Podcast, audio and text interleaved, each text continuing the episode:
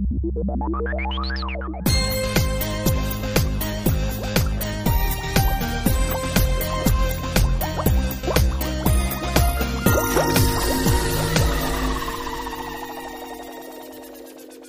og velkommen til Rosa begerglass. Hei, Gro. Hei, hei, Cecilie.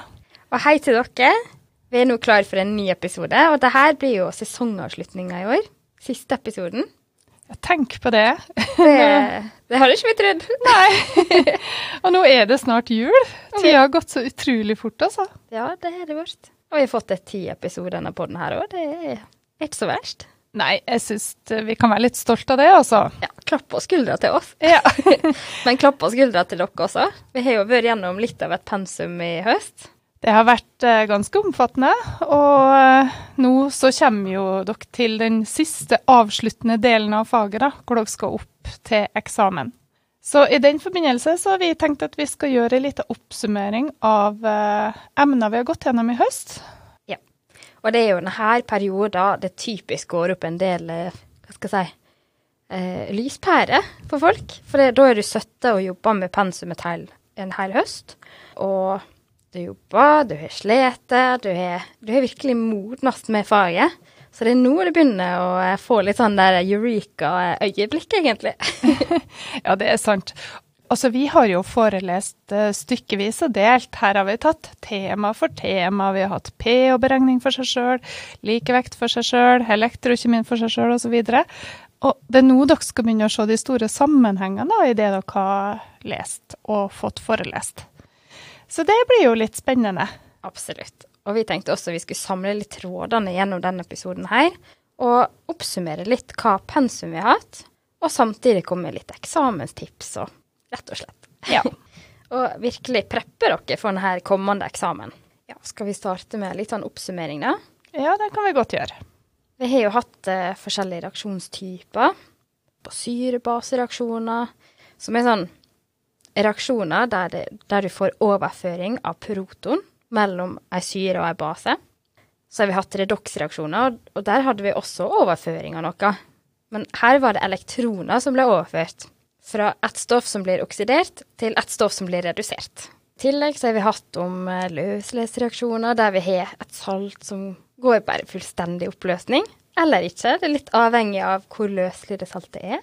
Om det er tungtløselig, om det er uløselig eller lettløselig. Så får vi da igjen disse her ionene som saltet består av.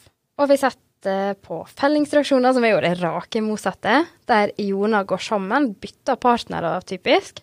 Og så får vi produsert et bunnfall, som er da et tungtløselig eller et uløselig salt, som da felles ut på bunnen av eh, løsninga. Og i tillegg så har vi vært gjennom reaksjoner med gasser. Så vi har hatt litt forskjellige ting, altså. Ja, masse god snacks her. Ja, kjør på. Ja. Eh, Når vi snakker om reaksjonstyper, da, så har vi jo også konsentrert oss ganske mye om støkkiometri.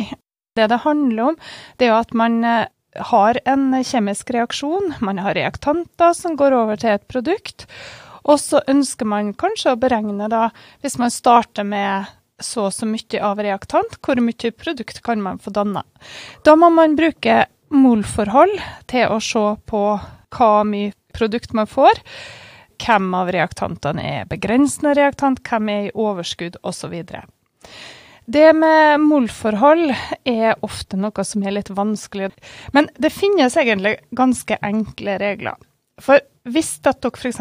har ett mol av en reaktant Reaksjonsligninga er jo egentlig helt genial. fordi at hvis det ikke står noe foran den ene reaktanten, så betyr det at det er ett mol av den. Og så blir det da danna to mol av produktet. Da er forholdet én til to. Så dere kan se ut fra reaksjonsligninga hva molforholdet er mellom reaktanter, og hva molforholdet er mellom reaktanter og produkt. Likeså hvis du har to av en reaktant, du får tre av et produkt. Du vet hva reaktanten er, men du skal finne ut hvor mye det tilsvarer da i mol av produktet.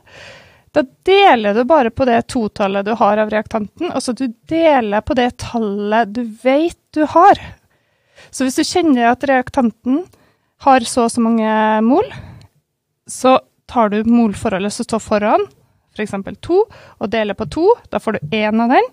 Men da må du gjøre det samme med produktet. Så hvis du hadde tre mol av produktet, så deler du også den på to. Så da blir det tre halve du skal gange med for å finne ut. Ga det mening, eller var det veldig forvirrende, Cecilie? Det- det- Vær ærlig. Det ble masse tall.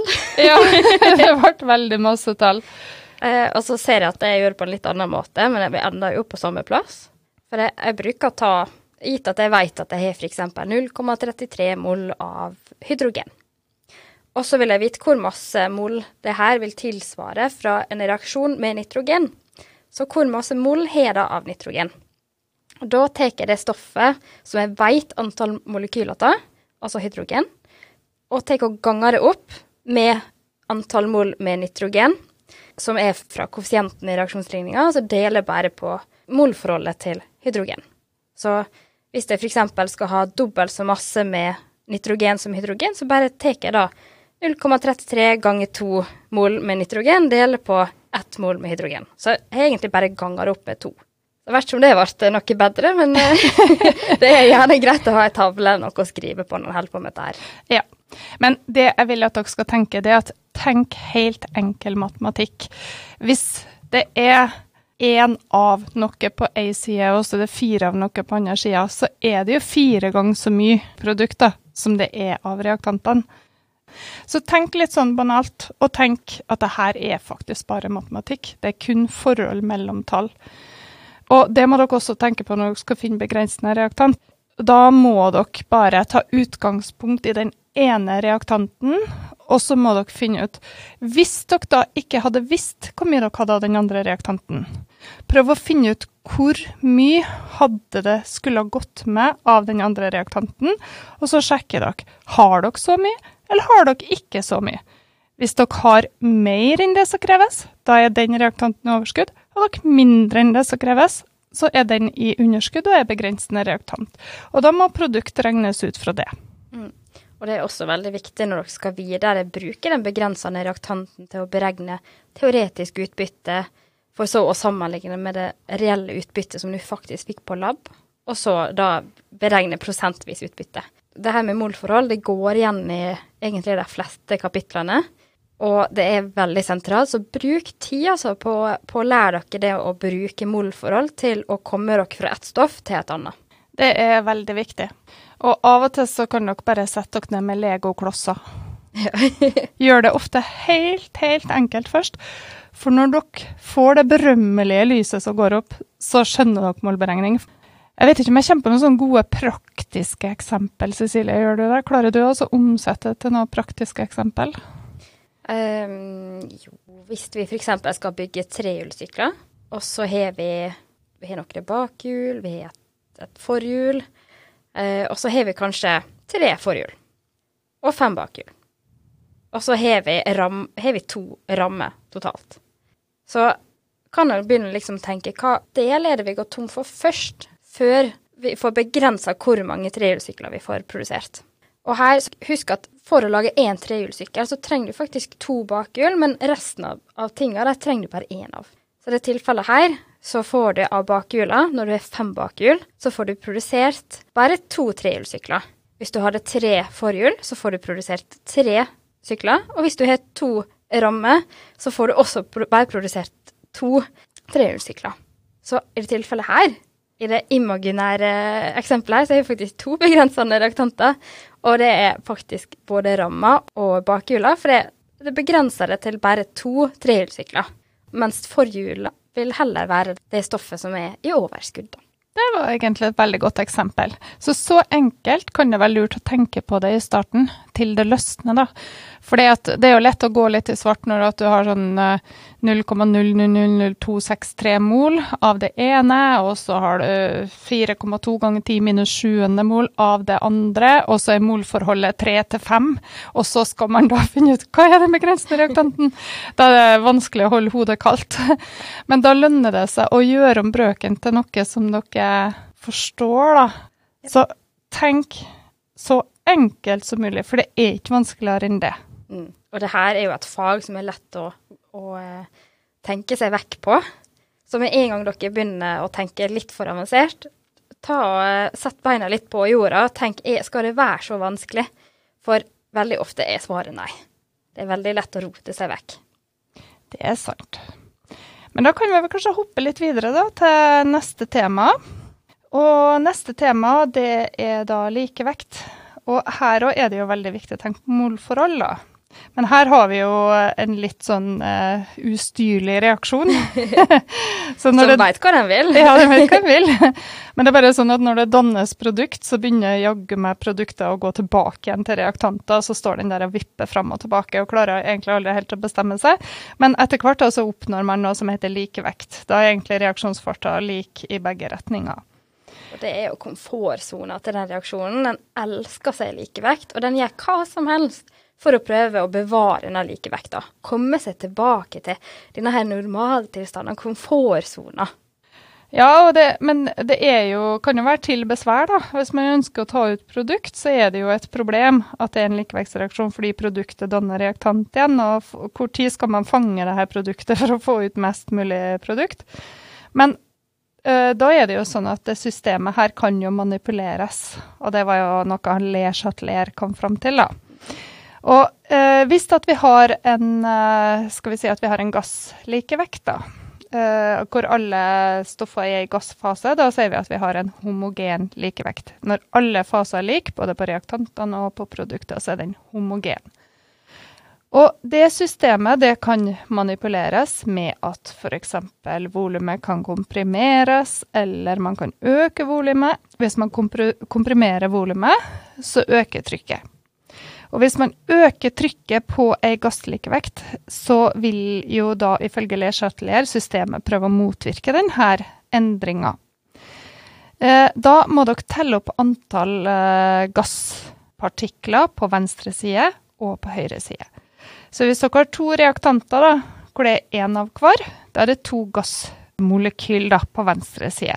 Og så gjør dere ei opptelling på høyre side. Hvis dette da går over til ett gassmolekyl, så er det flest gassmolekyl på venstre side. For der var det to, på høyre side var det ett. Så bare tell molekyler som er med i reaksjonsligninga.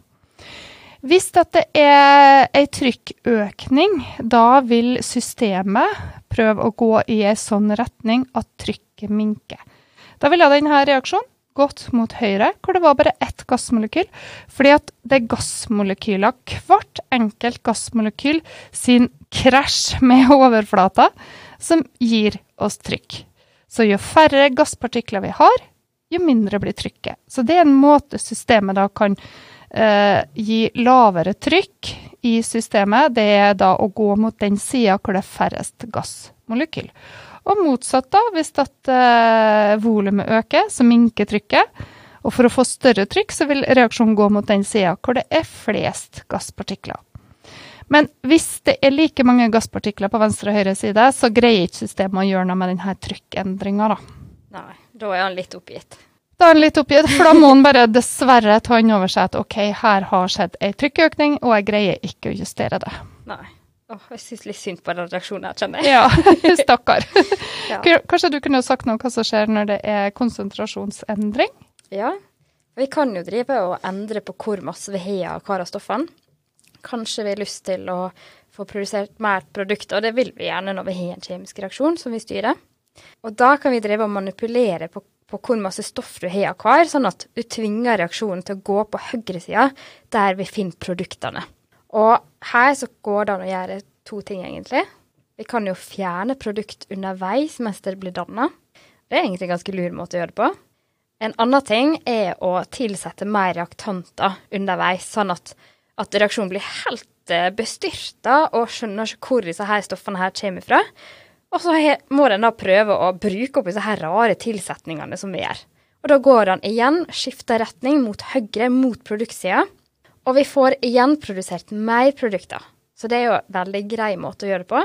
Eh, min favoritt er kanskje å fjerne produktene underveis, for da har vi liksom samme antall stoff som vi har i utgangspunktet. Bare vi lurer reaksjonen til å produsere mer produkter til oss. Så ja, nei, det er veldig masse arter du kan gjøre med kjemiske likevekter. Ja, men der er det også en eh, ting som er veldig viktig å tenke på, og det er nøytralisasjonsreaksjoner for syrebase. fordi at ofte så tenker man kanskje ikke på det som at det er en manipulasjon av, uh, av en kjemisk likevekt, men det er det faktisk. For hvis dere har ei syre så danner den H3O pluss. Og hvis dere tilsetter en base, så danner den OH minus, og så vil H3O pluss og OH minus gå sammen og danne vann.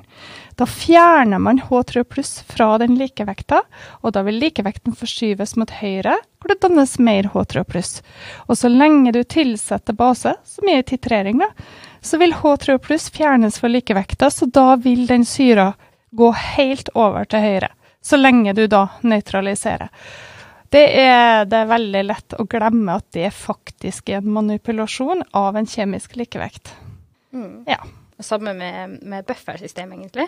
Ja. Det, det, er jo også et veldig viktig um, reversibel reaksjon, der du har, du har enten en svak syre med korresponderende base, eller at du har en svak base med korresponderende syre. Og dette klarer å liksom dra unna disse ekstra tilsetningene vi gjør, enten syre eller base, og bare bruker det opp sånn at vi får gjendanna mer vann og den andre korresponderende syre-base-paret. Men med det samme vi holder på å snakke litt om uh, manipul manipulering da, av kjemiske likevekter, så kan det jo også være greit også uh, hvordan man skal håndtere en oppgave der man f.eks. har en uh, likevektsreaksjon, og så får man oppgitt en startkonsentrasjon, enten av reaktant eller produkt, og så skal man finne likevektskonsentrasjonene. Og hva skal man gjøre da? Det jeg anbefaler i hvert fall mine studenter å gjøre, det er å sette opp en tabell. Og i den tabellen så setter jeg reaksjonsligninga over, og så har jeg start, forandring og likevekt. Oh, her har jeg start, endring og likevekt, for da får du sel, som ja. er mer biomarinvennlig. ja. Men Skal vi ha en dragkamp her, Cecilie? Tautrekking om hvem som er den beste løsninga her? Nei da. Det viktigste er at dere skjønner forskjellen. Ja. Uh, men i alle fall, da, om vi har startendring eller om vi har startforandring, eller Ja. Så før da inn det dere kjenner til. Hvis dere kjenner til bare den ene, si dere kjenner produktet, da, så fører dere det inn som startkonsentrasjon. Og så setter dere null på de andre. Og så er det jo sånn at hvis du starter med et stoff, så vil det eh, gå vekk litt av det stoffet over til den andre sida av reaksjonspilla. Og det blir da minus X i utgangspunktet. Så ved likevekt så vil det være startkonsentrasjon minus X. Men så er det bare det at her må vi ta hensyn til molforholdet, fordi det spiller en rolle. Så hvis det står da f.eks. 2 H2O da, som startkonsentrasjon, så må jeg sette minus 2X. Så da ved likevekt så blir det startkonsentrasjon minus 2X. Eh, på dem det er null av ved start, så vil det jo ikke bli noe minus x, fordi at man kan ikke ta minus av null. Vi kan ikke ta minus av et molekyl som ikke er der. Så da blir det pluss. Det blir danna noe av det, eh, om det er reaktanter eller produkt. Og da blir det pluss x, eller eventuelt pluss 2x hvis det står 2 foran i reaksjonsligninga, eller 3x hvis det står det foran. Så må dere sette opp uh, uttrykket for likevektskonstanten, eller likevektsuttrykket. Og da, den heter jo K. Uh, hvis det er trykk, så er det P. Er det konsentrasjon, så er det C. Og da er det sånn at dere tar konsentrasjon av produkt, og det er uavhengig av om det er det dere starter med. Fordi at det dere starter med, dere skal ha reaksjonsligninga sånn som den er satt opp i oppgaven, med reaktanter til venstre, produkt til høyre. Så sjøl om det er produkt dere starter med, så skal den konsentrasjonen stå i telleren. Delt på konsentrasjon av reaktant ganger med hverandre, og så må dere huske på også å opphøye i den koeffisienten som står foran. Så hvis det står 2H2, så skal det være opphøyd i andre, sjøl om dere har skrevet minus 2x som endring. Det er veldig viktig også. Det er en del som uh, gjør ei blemme på det, men det, det er viktig å ha med seg. Og så må dere rett og slett løse uttrykket. Da kan det hende at dere må til med ei andregradsligning. Det kan hende at dere eh, klarer å løse det med å ta rottegn på begge sider. Hvis det viser seg at begge er oppe i de andre, f.eks., så kan dere ta rottegn.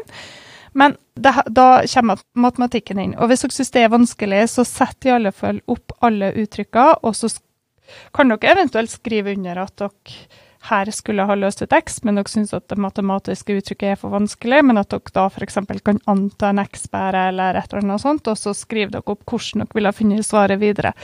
For da får dere fratrekk for at dere ikke kan det matematiske, men ikke fratrekk for resten, for da har dere skjønt hvordan dere kommer dere videre derifra. Så ikke gi opp sjøl om dere kommer dit. Og så er det en annen ting med andregradsuttrykk, at da får man ofte to x-er. Og for å finne ut hvem av x-ene som er den riktige, da, så er det enten sånn at den ene blir negativ og en positiv. Da er det ikke den negative, den kan dere forkaste.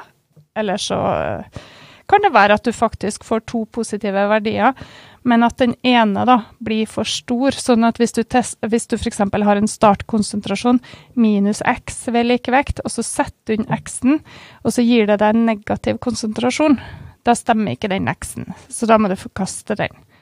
Men husk, da, det er faktisk også en del som eh, skriver at x er svaret på konsentrasjon, og to strek under det. Men det er det jo ikke, fordi at x-en det er jo enten startkonsentrasjon minus x, så må dere sette inn x-en for å finne konsentrasjon. Eller så kan den jo være pluss eh, f.eks.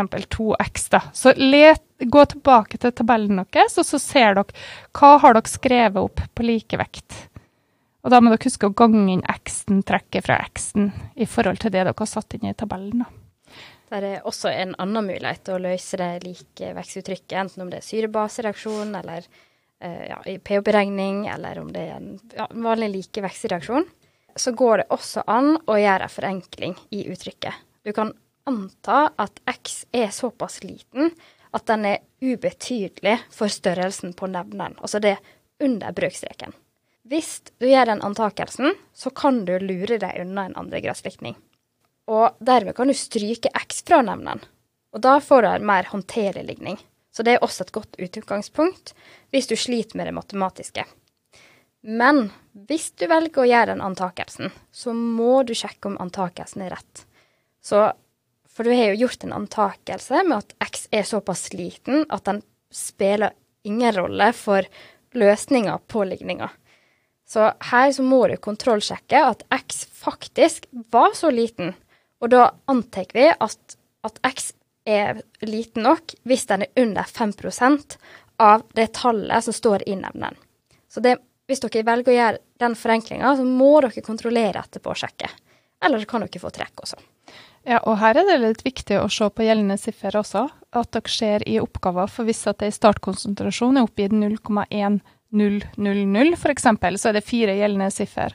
Og da må også antakelsen være sånn at du kan runde inn til fire gjeldende siffer, og at det fremdeles da stemmer at det er likt startkonsentrasjon når du trekker fra X-en. Sånn at det, eh, det, er viktig å gjøre riktig, riktig antakelse her, og vise at man forstår om det har vært greit eller ikke også, da. Også når det gjelder denne likevektstabellen som vi ikke klarer å bli enige om. Eh, når det kommer til den endringsbiten, eller forskjellbiten som du kalte det, så pass på x-ene deres. Det er min huskeregel. Husk at dere må ta hensyn til koeffisientene i reaksjonsligninga. Altså hvor masse mol har du av det ene stoffet i forhold til det andre stoffet. Og det ser du på koeffisienten, altså tallet foran det stoffet som er oppramsa i reaksjonsligninga. Så pass på x-ene deres skal være rett antall. Og hvis du mister kontroll på x-ene, da, da, blir det bare rot. ja, da blir det bare rot. Da blir det bare feil svar. og så var det faktisk en ting til når det gjaldt å manipulere likevekta som vi ikke sa noe om. Og det var jo det med temperatur. Ja. ja jeg glemte det. Jeg må si det med en gang jeg husker det nå. Og det er jo det at uh, hvis man har en eksotermreaksjon, så kan dere regne uh, energi som et produkt. Og da tenker dere på samme måte som Cecilie beskrev med konsentrasjonsendring, at eh, da er det en av produktene. Så hvis at man da øker temperaturen, da blir det mer produkt på en måte, og da vil reaksjonen forskyves mot venstre for å motvirke denne varmeendringa. Men hvis at eh, systemet kjøles ned, så går reaksjonen mot høyre for å danne mer varme. For da er energi en av produktene. Og motsatt, da, på endotermereaksjon så er energi en del av reaktantene. Så da blir det på samme måte, da.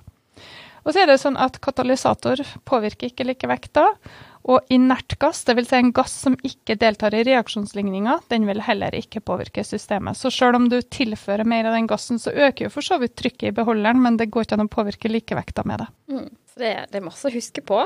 Ja, eh, men, det er det. men alt hører i lag, egentlig. Mm. Og det er liksom nå det begynner, en virkelig begynner å se de store sammenhengene i faget ja, og vi, nå snakker du akkurat om, om, ja, det vi hadde om i termokjemien også, egentlig. For det er kjemisk likevekt og termokjemi hører jo i lag når vi begynner å snakke om eksoterme og endoterme reaksjoner. For uh, her så har vi to forskjellige reaksjonstyper, der den, den ene frigjør energi til omgivelsene i netto, slik at vi får f.eks. vi en eksplosjon, vi får varme avgitt. Og det, ja, det kan være litt potensielt skumle reaksjoner, men også veldig spennende reaksjoner. I hvert fall hvis sikkerheten er intakt.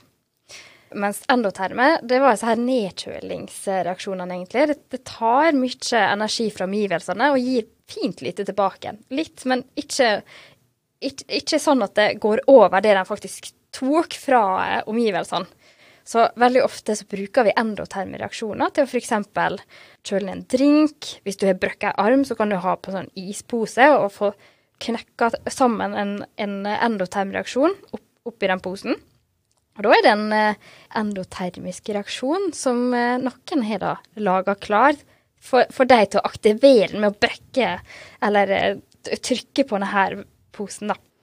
Ja, og En måte dere kan finne ut om en reaksjon er endoterm eller eksoterm, det er å regne ut eh, dannelsesentalpin for reaksjonen. Nå er det ikke sikkert at alle har regna på det, da. men det er i alle fall sånn at hvis dere finner ut at entalpiendringa for en reaksjon er negativ, da er det en eksoterm reaksjon. Og hvis entalpiendringa til reaksjon er positiv, da er det en endoterm reaksjon. Så det er en måte man kan finne ut da, om reaksjonen er endoterm eller eksoterm. Og i det faget her så er vi også borti mange måter å forutse om en reaksjon er spontan eller ikke. I termokjemien så har dere litt om den. Ja, i termokjemien så har vi regna på Gibbs-frie energi, som var den der eh, rare energien som egentlig ikke eksisterer, men som er bare en sammenheng mellom entalpi og entropi. Og entropi, det var jo grad av orden. Det var egentlig hvor mye orden det var i et system. Og eh, grad av orden, det handler om at det er kun ved det absolutte nullpunktet at alle atomer, molekyler, er helt i ro. Og så øker entropien etter hvert som temperaturen stiger. Men sammenhengen her, da, som heter Gibbs frie energi, er sånn at hvis den totale Gibbs-frie energiendringa for en reaksjon er negativ, da er det en spontan reaksjon. Og motsatt, hvis den der eh, endringa i Gibbs-frie energi totalt for hele reaksjonen er positiv, så er det da en ikke-spontan reaksjon, men da vil den motsatte reaksjonen være spontan. Så det er en måte å finne ut av om du har spontan reaksjon eller ikke, da. Mm. Dere som går på biomarin eh, innovasjon, dere skal ikke ha om akkurat den biten der av termokjemien. Men vi har en annen måte å forutse spontaniteten til reaksjoner på, og da, da mener jeg spesifikt mot eh, redoksreaksjoner. For det er jo nettopp det vi gjør i elektrokjemien. Vi sammenligner standard reduksjonspotensialet og standard oksidasjonspotensialet, og summerer det her opp for å finne ut om vi får en E0 som er positiv eller negativ eller null. Og her så bruker vi det til å, å vurdere om vi får en spontan reaksjon eller ikke. Og her så sier vi at hvis du har E0 som er positiv, da vil jo denne reaksjonen generere spenning, og da får vi en spontan reaksjon. Hvis E0 er null, så ligger han og blafrer mellom være spontan eller ikke. Han trenger bare en liten dytt for å komme i gang. Men den står bare er klar til å begynne, men klarer ikke helt å starte. Og hvis E0 er negativ, så krever jo den reaksjonen her at du påfører energi i form av spenning for å få reaksjonen i gang. Så det her er også en måte å forutse spontanitet på, men det gjelder da redoksreaksjoner. Mm. Og det er jo det samme som vi regner på, skulle jeg si, i, i mitt fag, i generell kjemi. Og cellepotensialet så snakker vi om en E0-verdi, og nullen den står for eh, standardbetingelser. Og det vil si én atmosfæres trykk, 25 grader, og én molar konsentrasjon av alle stoff som er med i, i det uttrykket. da. Eh, det finnes også formler for å rekke den eh, ved andre temperaturer, annet trykk, annen konsentrasjon.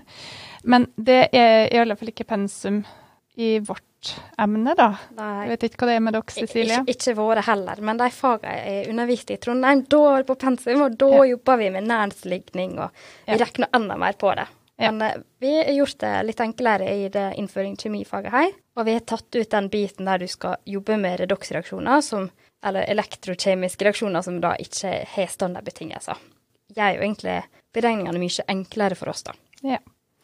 Og så er det en ting Når vi snakker om redoksreaksjoner, da, så syns jeg det er litt viktig også å presisere at uh, når man skal regne på det med halvcellepotensialet og finne ut av hva halvcellepotensialet man skal bruke, så må jo de her halvreaksjonene være balansert. Man må balansere det ved hjelp av halvreaksjonsmetoden. Og det som òg er viktig å tenke på, det er når dere ser på den uh, hovedligninga dere starter å balansere fra, så vil det ofte i den stå enten OH eller H. Og står det OH så er det i basisk løsning, eller det foregår i basisk miljø. Og hvis det står H så foregår det i surt miljø. Ofte så er det sånn at uh, i de tabellene over reduksjonspotensialet, så står både ligninga for sur variant av den halvreaksjonen og basisk variant av den halvreaksjonen.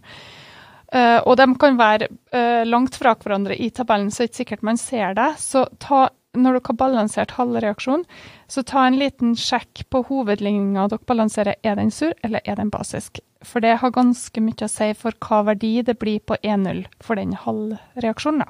Og dere må også tenke på det i forhold til hva dere skal sitte med til slutt. Når dere har balansert hele ligninga, så er det viktig å sjekke om det er sur eller basisk løsning. Mm. Og det er jo også litt å si for spontaniteten til, til reaksjonen. For det er sur løsning og basisk løsning fra tabellen. Den kan jo ha litt forskjellige standardreduksjonspotensialer. Så det gjelder å velge rett pH det her foregår i, hvis det er aktuelt for din reaksjonsligning. Og det her gjør jo også at noen metaller kanskje ikke løser seg opp i ene syre, men kan løse seg spontant opp i annen syre. F.eks. kobber med salpetersyre. Så kan kobber løse opp i salpetersyre, men, men ikke i saltsyre. Og det er jo litt rart. Men uh, dere kan jo ta, ta, og sjekke opp i tabellen og se på hvorfor. Hvorfor er det tilfellet? Mm. Og dere merka det egentlig på laben òg, for på laben så sto det at dere skulle eh, surgjøre ei løsning for å få redoksreaksjonen til å gå. Og da var det en del av dere som ikke sjekka pH. Og når dere ikke sjekka pH, så var det ikke sikkert at eh, løsninga var sur, og da ville ikke reaksjonen gå spontant. Så den måtte bli sur for at den skulle gå spontant. Så pH til redoksreaksjoner har faktisk veldig mye å si for hva eh, halvcellepotensialet blir på den reaksjonen. Og hvis man da har et uh, motsvarende stoff, da, sånn som du nevnte nå, sånn som kobber, da, krever da en viss uh, halvcellepotensial for å få reaksjonen til å gå. Og hvis du da har valgt feil, da, hvis du har hatt en basisk løsning og den burde ha vært sur, så er det ikke sikkert at reaksjonen går i hele tatt. Mm. Så igjen så har vi enda en sammenheng mellom redoksreaksjoner og spontanitet, men samtidig så kommer plutselig syre-base-reaksjoner inn i bildet òg, så det her henger jo sammen. Ja, det gjør det, altså. Og det er faktisk så enkelt at hvis det står OH minus i ligninga, så er pH-en over 7. Mm. Og står det H pluss, så er pH-en under 7. Men det trenger ikke å være mye under 7. Det kan være nok at den er 6,8 for at reaksjonen setter i gang. Men det er liksom den der triggeren med at en må ha den H-plussen for å få akkurat den reaksjonsveien og få det halvcellepotensialet. Trenger denne lille dytten, denne lille aktiveringsenergien. Ja, det er sant. Det gjør det. Så igjen, det er masse tråder å trekke mellom pensumet. alt henger jo i lag. Ja. Og eh, det er kanskje først nå dere begynner å se de store sammenhengene. Mm, det er sant. Og eh, når vi snakker om redoksreaksjoner, så kan vi jo egentlig bare ta en sånn kjapp repetisjon da, på hva en oksidasjon er, og hva en reduksjon er. Og du, Cecilie, må si, og Cecilie er nødt til å si reduksjon først, så du skal få lov til å starte. Åh, oh, takk. OK. Reduksjon. det er da den halvreaksjonen i redoksreaksjoner, der du har et stoff som tar opp elektroner, blir mer negativt, og vi sier at det da er blitt redusert. Det er sant. Og oksidasjon er da akkurat det motsatte. Det er et stoff som kan eh, gi fra seg elektroner til et annet stoff, og da blir det oksidert. Og så var det en annen ting dere kunne tenke på her, og det var oksidasjonstall. Fordi oksidasjonstallene forteller dere hva stoff som blir redusert, og hva som blir oksidert. Og der var det jo noen grunnregler for å bestemme oksidasjonstallene. Og hvis dere så at oksidasjonstallet økte i en reaksjon for et stoff, Altså, det, altså hvis du har MNO4 f.eks., så er det bare mangan du ser på, f.eks. Altså MN. Hva skjer med MN fra reaktansida til produktsida? Hvis at oksidasjonstallet øker, da har det skjedd en oksidasjon. Hvis oksidasjonstallet minker, så har det skjedd en reduksjon. Og da må det samtidig ha skjedd en reduksjon. hvis det har skjedd en oksidasjon. Så de henger sammen, disse her to. Så da må dere finne ett av atomer i en forbindelse som har blitt oksidert, hvis dere finner ut at det her var redusert, f.eks. Så det er jo sånn som henger sammen. Og så har jeg også fått et annet spørsmål. Og det er det at hvorfor sånn som bly danner to pluss-joner når det egentlig har fire elektroner i ytterste skall?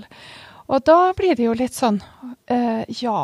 Og sannheten er jo at det kan danne flere forskjellige. Hvis dere ser i periodesystemet på hvor mange varianter av oksidasjonstall bly kan ha, så er det flere. Og det betyr at det kan danne flere ulike typer ioner, alt etter hva stoff det binder seg til. Så dere må kjenne oksidasjonstallet til bly for å finne ut hva forbindelse det danner med det andre stoffet. Så dere bruker også oksidasjonstall her. Men hvis et tall har bare ett oksidasjonstall når dere sjekker opp i periodesystemet, så kan det også danne bare ett type ion. Så f.eks. magnesium kan bare danne 2 pluss. Og da har det 2 pluss som oksidasjonstall, og det kan ha ingen andre varianter. Men sjekk opp svovel.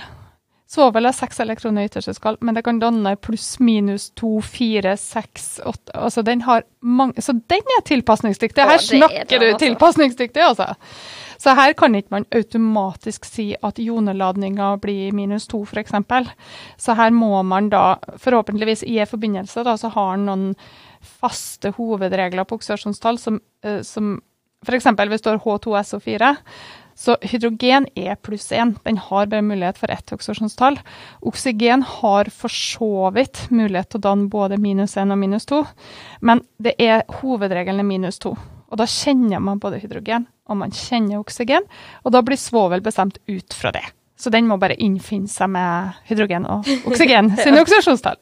Det er ett unntak på hydrogen, og det er hvis eh, du begynner å kombinere det med gruppe 1 og gruppe 2-element. Da er faktisk hydrogen er villig til å, å, faktisk ta opp det elektronet fra gruppe 1 og gruppe 2-elementer. Mm. Så eh, da kan det skje litt andre ting. Ja, da kan det skje, da. Men nå var det sånn i utgangspunktet hovedreglene. Altså de, Hvis dere ser på hovedgruppe 1 og hovedgruppe 2 Nå står jo hydrogen for så vidt i hovedgruppe 1, men den står litt sånn oppom. det, er ikke et metall, men den er der fortsatt. ja, den er der for, fortsatt, så den er jo på en måte litt sånn unntak. Og det er jo litt sånn at hvis du har H2O2 som er hydrogenperoksid, så er jo oksygen plutselig minus én. Sånn at det er litt sånn Det finnes noen unntaksstoff, så ikke ta altfor god fisk. Men uh, tenk på hovedreglene i alle fall, ja. når dere setter opp oksidasjonstall. Og noe jeg syns er litt artig, er jo at eh, når dere har hatt om syrebase-kapitlet, så får dere kanskje et annet syn på gruppe 1 og gruppe 2-elementene òg. Det heter jo alkalimetall, og det heter jordalkalimetall. Og alkali det kommer fra det engelske 'alkaline', som egentlig betyr basisk. Og det har jo med at den, de danner ba, gjerne basiske forbindelser med oksider og hydroksider. Og eh, dermed får vi alkaline, altså alkalimetaller og jordalkalimetaller. Ja. Da lærte jeg noe nytt i dag òg, Cecilie. det er bra. Jeg lærer stadig noe nytt. Men når du nevnte pH nå, da, så har vi jo ikke sagt så veldig mye om pH. Uh, det er jo kommet noen spørsmål uh, på mail til meg som går på pH-beregning. Og det går jo bl.a. på hvis du blander ei sterk og ei svak syre, hva skal man da ta utgangspunkt i, f.eks.? Uh, det dere da må tenke, det er at den svake syra, eller om det var en svak base, er alltid den som innstiller en likevekt. Så det er den du på en måte må den ut ifra. Det er den som lager trøbbelet pga. den der likevektsreaksjonen. For ei sterk syre den dissosierer fullstendig over til høyre og danner H3 pluss pluss en syrerest. Så da har dere 0,2 molar saltsyre, så kan dere regne at dere har 0,2 molar H3 pluss, fordi alt går over. Når dere da skal sette opp denne likevektstabellen, så har dere jo startkonsentrasjon på den svake syra, og trekker fra X som vanlig. Men på høyresida så går jo den svake syra over til H3 pluss. Og da har ikke dere null ved start. Fordi da har dere konsentrasjon til den sterke syra som har gått over til H3 pluss. Så hvis jeg hadde da 0,2 molar saltsyre som er blanda med ei svak syre, så ville jeg da ved start ha 0,2 molar H3 pluss. Det er eneste forskjellen. Resten av beregninga er likedan. Så det er likevektsberegning hvor dere skal prøve å løse ut H3 pluss-konsentrasjon for da kan dere ta den negative logaritmen av den og bestemme pH. Og hvis det er en base dere regner for en svak base, så skal dere ta og finne ut OH minus-konsentrasjon. Og der er det samme hvis dere blander sterk base med svak base, så skal dere regne ut at all sterk base går over til OH minus. Og startkonsentrasjon av OH minus i likevektskonsentrasjon blir da ikke null, men konsentrasjon til den sterke basen. Og så Vær litt obs her, da. Fordi at bariumhydroksid, f.eks., som er en sterk base, det blir jo BaOH2. Da blir det danna to OH minus. Så det er litt viktig at dere tar hensyn til molforholdet her når dere regner. da. Mm. Så igjen, disse molforholdene dukker opp overalt. Ja, de gjør det også. Så det er litt uh, hva de sier, isfjellet. Altså det, det, er viktig å ikke bare ha med toppen av isfjellet, du må ha med bunnen òg. For bunnen er den som er størst. Og det er det som går på støkkometri, rett og slett. Molforhold. Det er faktisk det viktigste dere lærer dere for å skjønne resten. Så sett dere ned med trehjulssyklene til Cecilie og prøv å pusle dem sammen. Og tenk på det med molforhold, for det er faktisk kjempeviktig å forstå. Også. Ja, det går igjen i alle kapitlene stort sett. Og som Gro sa, det her er det viktigste kapitlet. Mm, det er det. Viktigste for så, så legge inn innsatsen der, hvis mm. dere ikke har skjønt det ennå. Mm. Og så har vi hatt litt forskjellig om bindingstyper, og eh, vi har hatt forskjellige Vi har hatt eh, kovalente forbindelser, vi har hatt eh, joniske ioniske forbindelser, metall, ja. rene metall og blanda metall, altså legeringer. Hatt litt forskjellig der. Og vi har hatt sterke bindingstyper, vi har hatt svake bindingstyper. Og av de sterke så har vi så her kovalente bindingene, som er mellom to ikke-metaller. Og her går det også an å dobbeltsjekke i forhold til hva er, hva er forskjell i elektronegativitetsverdier mellom de to stoffene som inngår i bindinga. Bruke det til å bedømme om du har stor nok avstand til å få en jonisk forbindelse, eller om du har litt mindre avstand og har kovalent, eller at uh, du har så lite avstand at, at det er snakk om ei upolar kovalent binding, mens den andre typen var da polar kovalent. Eller om du bare har binding mellom metaller, da har du metallbinding, og den bindingen er ganske artig, altså. Du har liksom metallatomene som står tett i tett i tett, og de kan jo bidra til å eh, være med på å støpe materialet hvis du begynner å skyve på det eller påføre kraft på det. Og så kan det da rulle over atomflater. Skikkelig stilig materialteknologi, det her, altså. Eh, eller at det kan videreføre varme gjennom materialet, eller videreføre elektrisitet gjennom disse her valenselektronene som driver og surrer og går rundt disse her metallatomene i en sånn fin elektrosky eller elektronbølge, da. Så, å, det er jo veldig fascinerende vinningstype, egentlig. Du står jo og danser mens du forklarer ja. det Ja, det er veldig, veldig, veldig stilig, altså. Fordi at det gjør at metallet kan valses ut til ørtynne tråder. Nesten sånn ett atom i slengen bortover på ei perlekjede, vet du. Det kan valses utrolig tynt, og det kan formes i alle mulige slags former. Og sjøl om du slår på det, så blir det kanskje en bulk, men det blir ikke ødelagt. Det sprekker ikke, det går ikke i stykker, sånn som du ville gjort med en saltklump. Ja, men det spørs litt på hva metall og hvordan det metallet er blitt behandla, selvsagt. Ja. Vi, vi, skal få til et metall til å sprekke hvis vi behandler det rett. Ja, og så er det jo sånn at hvis dere tenker dere at dere har ei tynn jernstang, og så tar dere og så bøyer den fram og tilbake, bøyer fram og tilbake, og så kommer dere på et gitt punkt hvor den faktisk knekker. Det skjer jo. Men da er det rett og slett at du, man lager hull i atomlagere som gjør at de her metallatomene blir for langt fra hverandre til å holde sammen lenger. Og da går det fra hverandre. da. Og her begynner vi å snakke altså Hvis vi river stykker og slenger og denger med dette her metallet, så begynner vi å snakke også om tretningsbrudd. Ja. Fordi at du har utmatta materiale, rett og slett. Mm. Ja, det er masse spennende materialteknologi i dette her, men jeg skal ikke gå inn på den, for da, da, da roter jeg meg skikkelig bort, for ja. det er så spennende. ja. Men uh, også når det gjelder uh, å bedømme da, hva type binding man har, så kan man se på forskjellig elektronegativitet. Og jeg vet jo det at i boka deres så står det angitt noen sånn grenseverdier da, for hva type binding det er. Så det her er jo da med på å at dere kan anslå hva bindingstype det blir. da, Og så er det jo sånn at hvis dere kommer nært en grenseverdi eh, som er foreslått, så kan dere også si det at eh, den bindinga her kan være polarkovalent, eller det kan være ionebinding, men det kommer litt an på molekylet sin form osv. Uh, og det her er jo det som vi kaller de intramolekylære kreftene. Krefter som virker innad i et molekyl, som gjør at molekylet holder sammen til det molekylet det er. da. Og så har vi de intermolekylære kreftene. Og de er jo også veldig fascinerende, egentlig. For hvorfor kan et vannmolekyl som er så lite, det er et bitte lite molekyl, det kan være i væskeform ved romtemperatur, faktisk helt opp til 100 grader. Mens CO2, som er egentlig hakket større molekyl, det er egentlig bare i gassform ved romtemperatur. Vi puster ut denne CO2-en. Og ved 37 grader også, så inni kroppen vår så er den jo i gassform. Og ja ja, det var jo faktisk logisk, for det er jo varmere. Altså nå må jeg holde tunga beint i munnen her.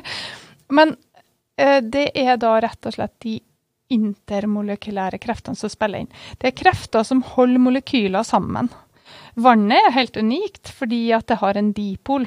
Uh, den har en dipol fordi at uh, hydrogenatomene som begynner til, de har da en uh, positiv ende pga. en polar kovalent binding.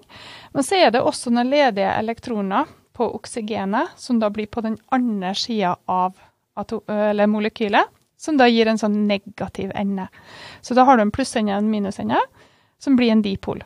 Og de plussendene og minusendene de lenker seg sammen til et sånn nettverk av vannmolekyl.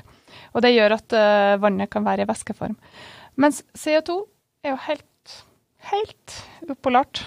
Det virker litt rart, fordi det er jo polare kovalente bindinger innad også i CO2. Men molekylet er helt lineært, sånn at da opphever vektorene hverandre i motsatt retning. Og så blir det helt upolart. Jeg opplevde noe artig med CO2 en gang.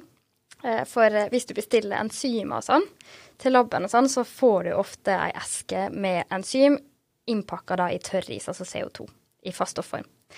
Og ene kollegaen min, dette var på gamlejobben, ene kollegaen min han eh, helte uti denne CO2-en, altså tørrisen, oppi en vask, og så tilsatte han Zalo dette her.